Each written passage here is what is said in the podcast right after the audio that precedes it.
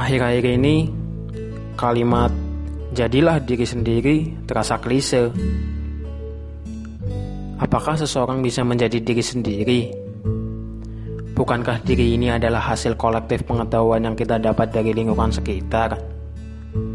Kalau begitu, aku ganti kalimatnya menjadi Jangan berusaha menjadi keren, berusaha saja menjadi jujur.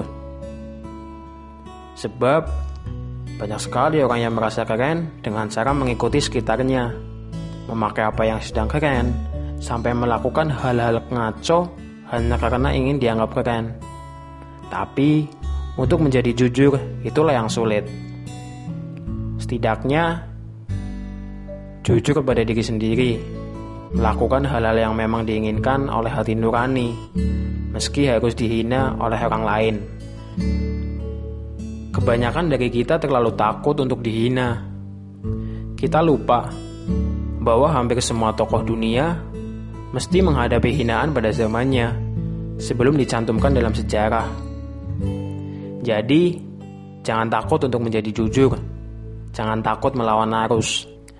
Hanya karena tidak ada yang setuju dengan pendapatmu, bukan berarti pendapatmu salah.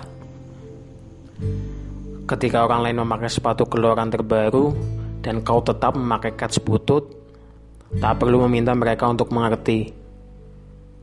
Ketika orang lain betah mengobrol di dunia maya, dan kau tidak betah berlama-lama di depan telepon genggam, tak perlu meminta mereka untuk mengerti.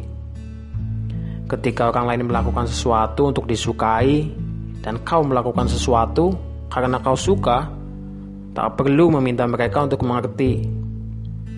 Ketika orang lain memilih untuk terikat dengan rutinitas, dan kau memilih untuk terikat dengan kebebasan, tak perlu meminta mereka untuk mengerti. Tak perlu menyeragamkan diri dengan kebanyakan orang. Tak perlu kekinian, karena yang kekinian akan alay pada waktunya. Tak perlu repot-repot menyamakan diri dengan orang lain. Kau diciptakan untuk menjadi unik. Sudah terlalu banyak orang yang sama seperti kebanyakan orang Dirimu hanya satu di muka bumi.